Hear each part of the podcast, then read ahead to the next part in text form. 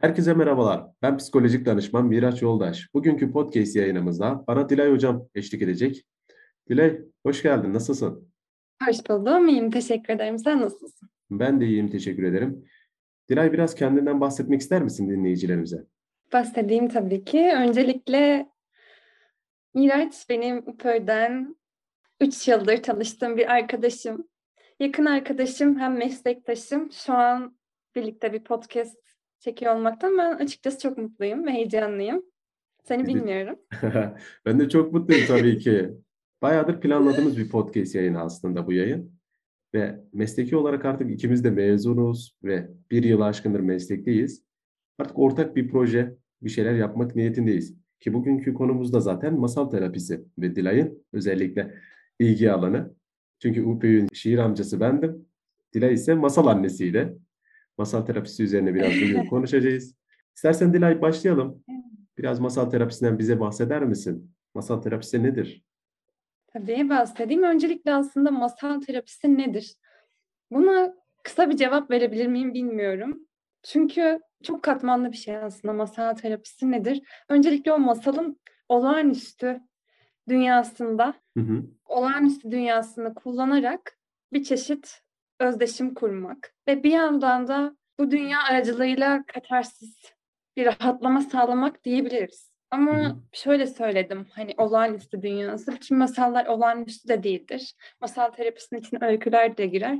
Çok farklı yapısı var aslında masal terapisinin. Mesela bazı masalları kişinin ihtiyacına göre biz seçiyoruz ve bu ihtiyaç doğrultusunda ona iyi gelecek masalı aslında belirlemiş oluyoruz. Bazen işte yetişkin bir danışanla ya da çocukla birlikte masal seçiyoruz. Bu bazen daha günlük hayattan bir hikaye ya da masal oluyor. Bazen daha olağanüstü bir şey oluyor. Bu olağanüstü masal aslında bir varmış, bir yokmuş ya da değillerin, cücelerin olduğu bir masal. Hiç gerçek dünyayla örtüşmeyen masal. Evet hocam. Çok uzattım biliyorum. Yok estağfurullah araya gireyim dedim. araya girmek istedim. Şimdi olağanüstü bir dünya hem yetişkinler hem de çocuklar. Evet, Benim zaten bildiğim masal olağanüstüdür ve çocuklara yöneliktir masal dediğimiz şey. Olağanüstüdür, gerçekleşmesi olmayan. Hani ilkokuldan beri bence bize bunu öğretildi. Ben mi yanlış biliyorum? Hani Aynen. olağanüstü olması gerekiyor. Gerçekleşmeyecek böyle perilerdir, padişahlardır, sultanlardır, ejderhalardır falan öyle karmaşık bir ortam. Ve yetişkinler için de var diyorsunuz şimdi. Dile hocam yetişkinlerde nasıl masal? Şu an benim biraz kafa durdu. Biraz açıklar mısınız bu konuda bize? Aslında şöyle diyebilirim. Jung da bunun üzerine çalışmalar yapıyor. Kolektif bilinç dışıyla bildiğimiz gibi. Jung aslında masalları, bilinç dışını, incelediği psikanalizleri danışanların rüyalarını vesaire hepsini topluyor, inceliyor ve şunu fark ediyor. Rüyaların diliyle masalların dili aynıdır. Eric Fromm da buna benzer bir söz söylüyor. Eric Fromm'un da masallar ve rüyaların ortak dili üzerine çalışmaları var. Eric Fromm hatta şunu söylüyor bilinmesi gereken en önemli yabancı dil aslında metaforlar olarak kullandığımız o çağrışım dili, sembol dilidir diyor. Aslında sembol dilinin göbeği masallar. Hı hı. Yani burada anladığım kadarıyla metaforlardan, çağrışımlardan, sembollerden, olağanüstülükten, çağrışımda bulunarak bir katarsis yani bir duygusal boşalım sağlıyorsunuz. Doğru mudur? Kesinlikle. Yani ins- insanların normal hayatta söylemekte çekindikleri veya kendilerine bile söyleyemedikleri durumları masal yoluyla bu olağanüstülük kavramları içinde bir şeyleri çağrıştırarak ejderha birini çağrıştırıyor veya bir şey çağrıştırıyor. Bilmiyorum şu an tamamen sallıyorum diyeceğim olmayacak. Doğru mu bilmiyorum. Yanlışsa düzeltirsin zaten.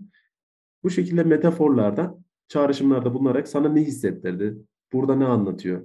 Bu şekilde mi ilerliyor? Nasıl ilerliyor terapilerde? Evet aslında doğru bir yere parmak bastınız ama bir de şöyle bir kısmı var. Masallarda hep belli tip karakterleri görürüz. Belli tip sembolleri görürüz. Ya çok iyidir ya çok kötüdür. Masalın sonunda illaki bir ders verir. Aslında her şey, her türlü karakter, bütün zıtlıklar masalın içinde yer alır. Aslında bu zıtlıklar bizim içimizdeki iyi ve kötüyü simgeliyor.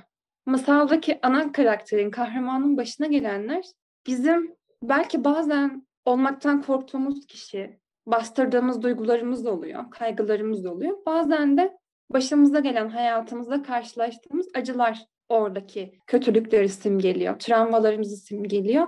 Ama bir yandan dediğim gibi bizim Geçtal terapisinde de aslında hep deriz ya bütün zıtlıkları içimizde barındırıyoruz. Önemli olan onları dengelemek diye. Aslında masal Gestalt'ın bu zıtlıklar kavramını çok güzel açıklıyor.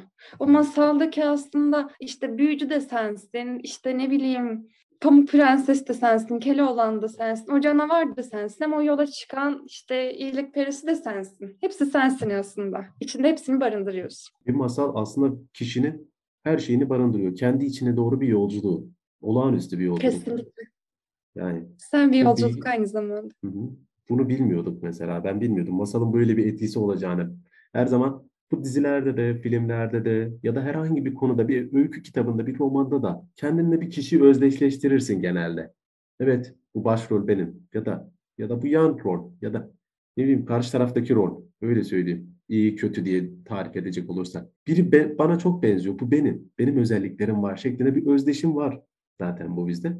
Diyorsun masaldaki hepsi aslında biziz. Doğru mudur bu şekilde?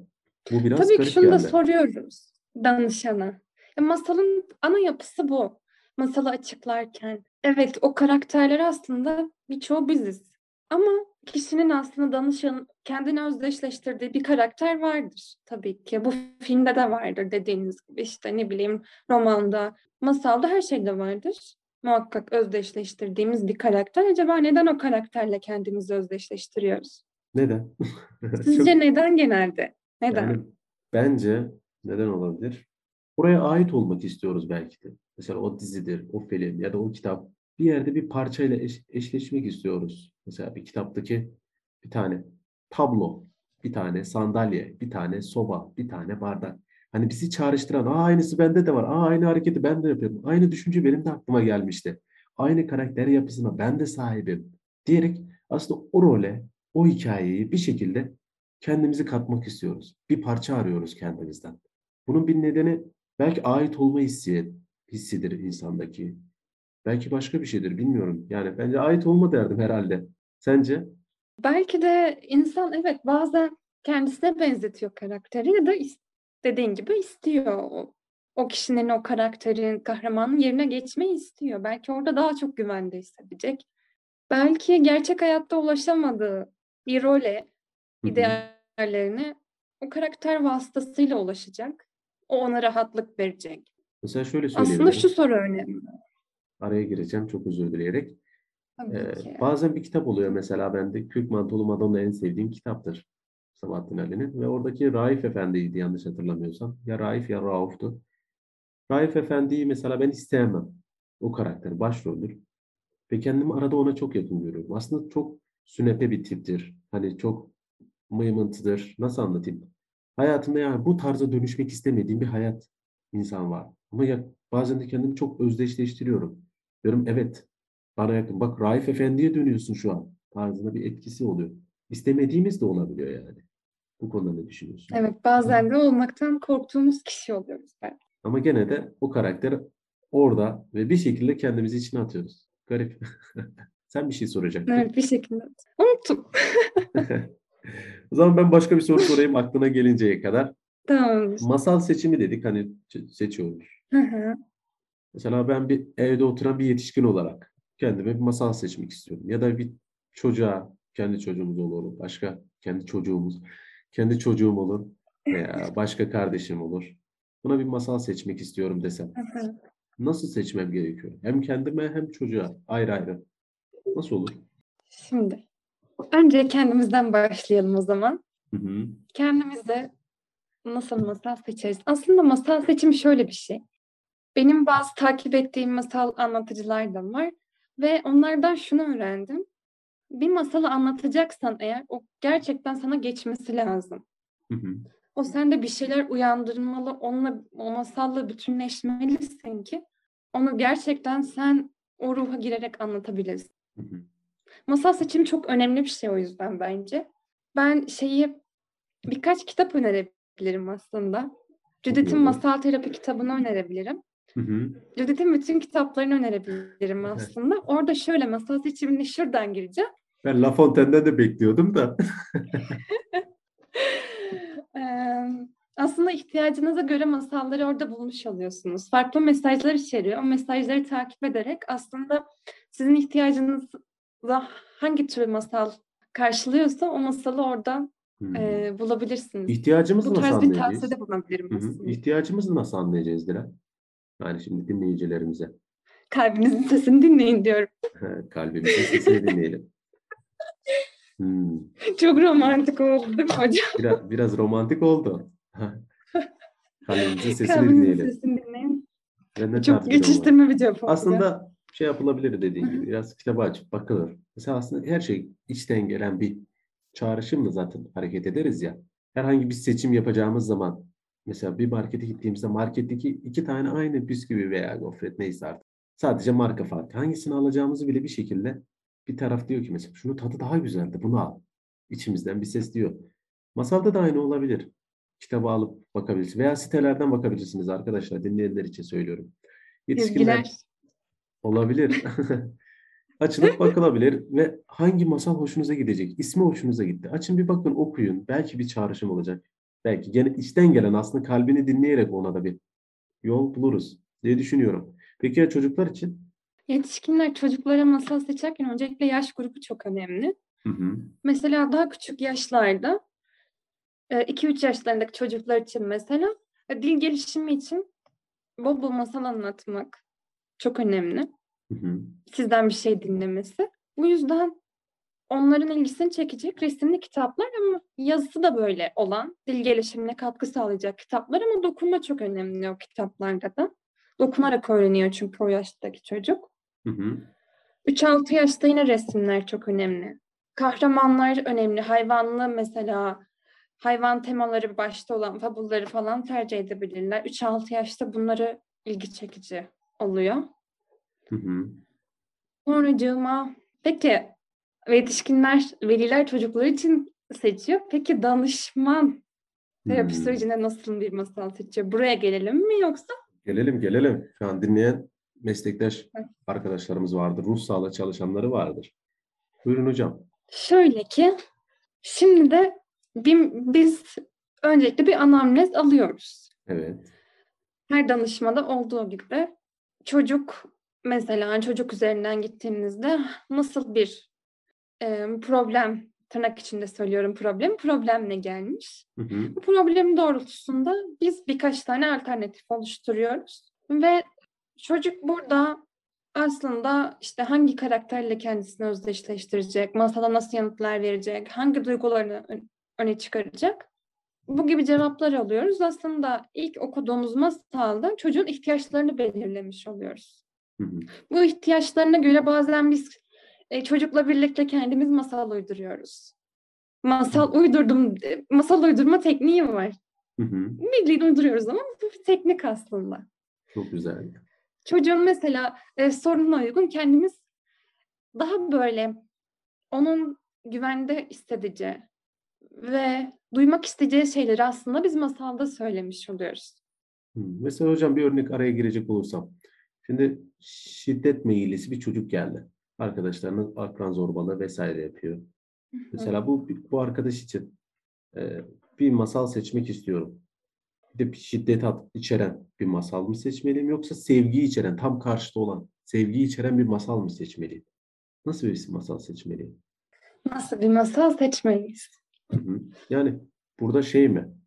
Getirilen konu hani öfke ya, öfke problemi. Öfkeyle ilgili bir tane mi seçelim yoksa tam karşıtı bir şey için mi seçelim?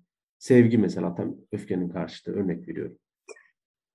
Öncelikle öfkeyle ilgili bir şey seçelim ki aslında bu çocuk bir şeye tepki olarak bu öfkeyi gösteriyor. Bunun tepki verme biçimi böyle bu çocuğun. Hı hı. Ee, bunun altında yatan sebebi öğrenebilelim. Bu masal sonrasında uygulayacağımız tekniklerle bu çocuğun ihtiyacı ne? Karşılanmayan bir ihtiyacı var ki o ihtiyacını bu şekilde gösteriyor. Hı hı. Bu ihtiyacını ortaya çıkarmak önemli. Sonrasında o ihtiyaç doğrultusunda yine tercihler yapabiliriz. Farklı teknikler uygulayabiliriz. Hı hı. Yani öncelikle ihtiyaç üzerinden bir masal seçelim. Sonra bakalım. Hı hı. Bakalım hayırlısı diye. Hocam eklemek istediğiniz, söylemek istediğiniz başka bir şeyler var mı? Yavaş yavaş yayınımızın sonuna geliyoruz. Eklemek istediğim, söylemek istediğim bir şey. Şimdi hocam çok şey var da Hangi birini söylesem çok uzayacak. Onun için Eskişehir'de arkadaşlar dinleyen varsa aramızda Eskişehir'de Dilay Hocam masal terapisi vermektedir yüzde olarak. Dilay Güneş, psikolojik danışman Dilay Güneş hesabını takip edebilirsiniz. Oradan takipte kalarak da görebilirsiniz. Hani çok güzel masal terapisi etkinliği, birebir masal dinleme şansını bulabilirsiniz. Şahsen ben bulamıyorum, uzaklardayız ama yüz yüze olarak masal dinleme şansını edinebilirsiniz. Değil mi hocam? Ufak bir reklam Reklam geçtim. teşekkür ediyorum hocam. rica, rica ederim. Ne demek? O zaman ufaktan yayınımızı bitirelim. Başka ekleyecek bir şeyiniz yoksa. Tamamdır. Ee, ben ne diyorum? Ee, masallar sadece çocuklar için değil. Hı hı. Ancak bazen içimizdeki çocuğu unutuyoruz ya da masallardan çok uzaklaşıyoruz. O içimizdeki çocuğu da bir uyandıralım. Ama masalların sadece çocuklar için olmadığını da bir hatırlayalım ve masalların dünyasından uzaklaşmayalım diyorum. Masalla kalın, hikayelerle kalın. Hoşçakalın. Çok teşekkür ederiz Dilay Hocam. Bugün yayınımızda psikolojik danışman Dilay Güneş eşlik etti. Kendisine teşekkür ediyoruz ve dinleyen herkese de teşekkür ediyorum. Kendinize iyi bakın. Görüşmek üzere.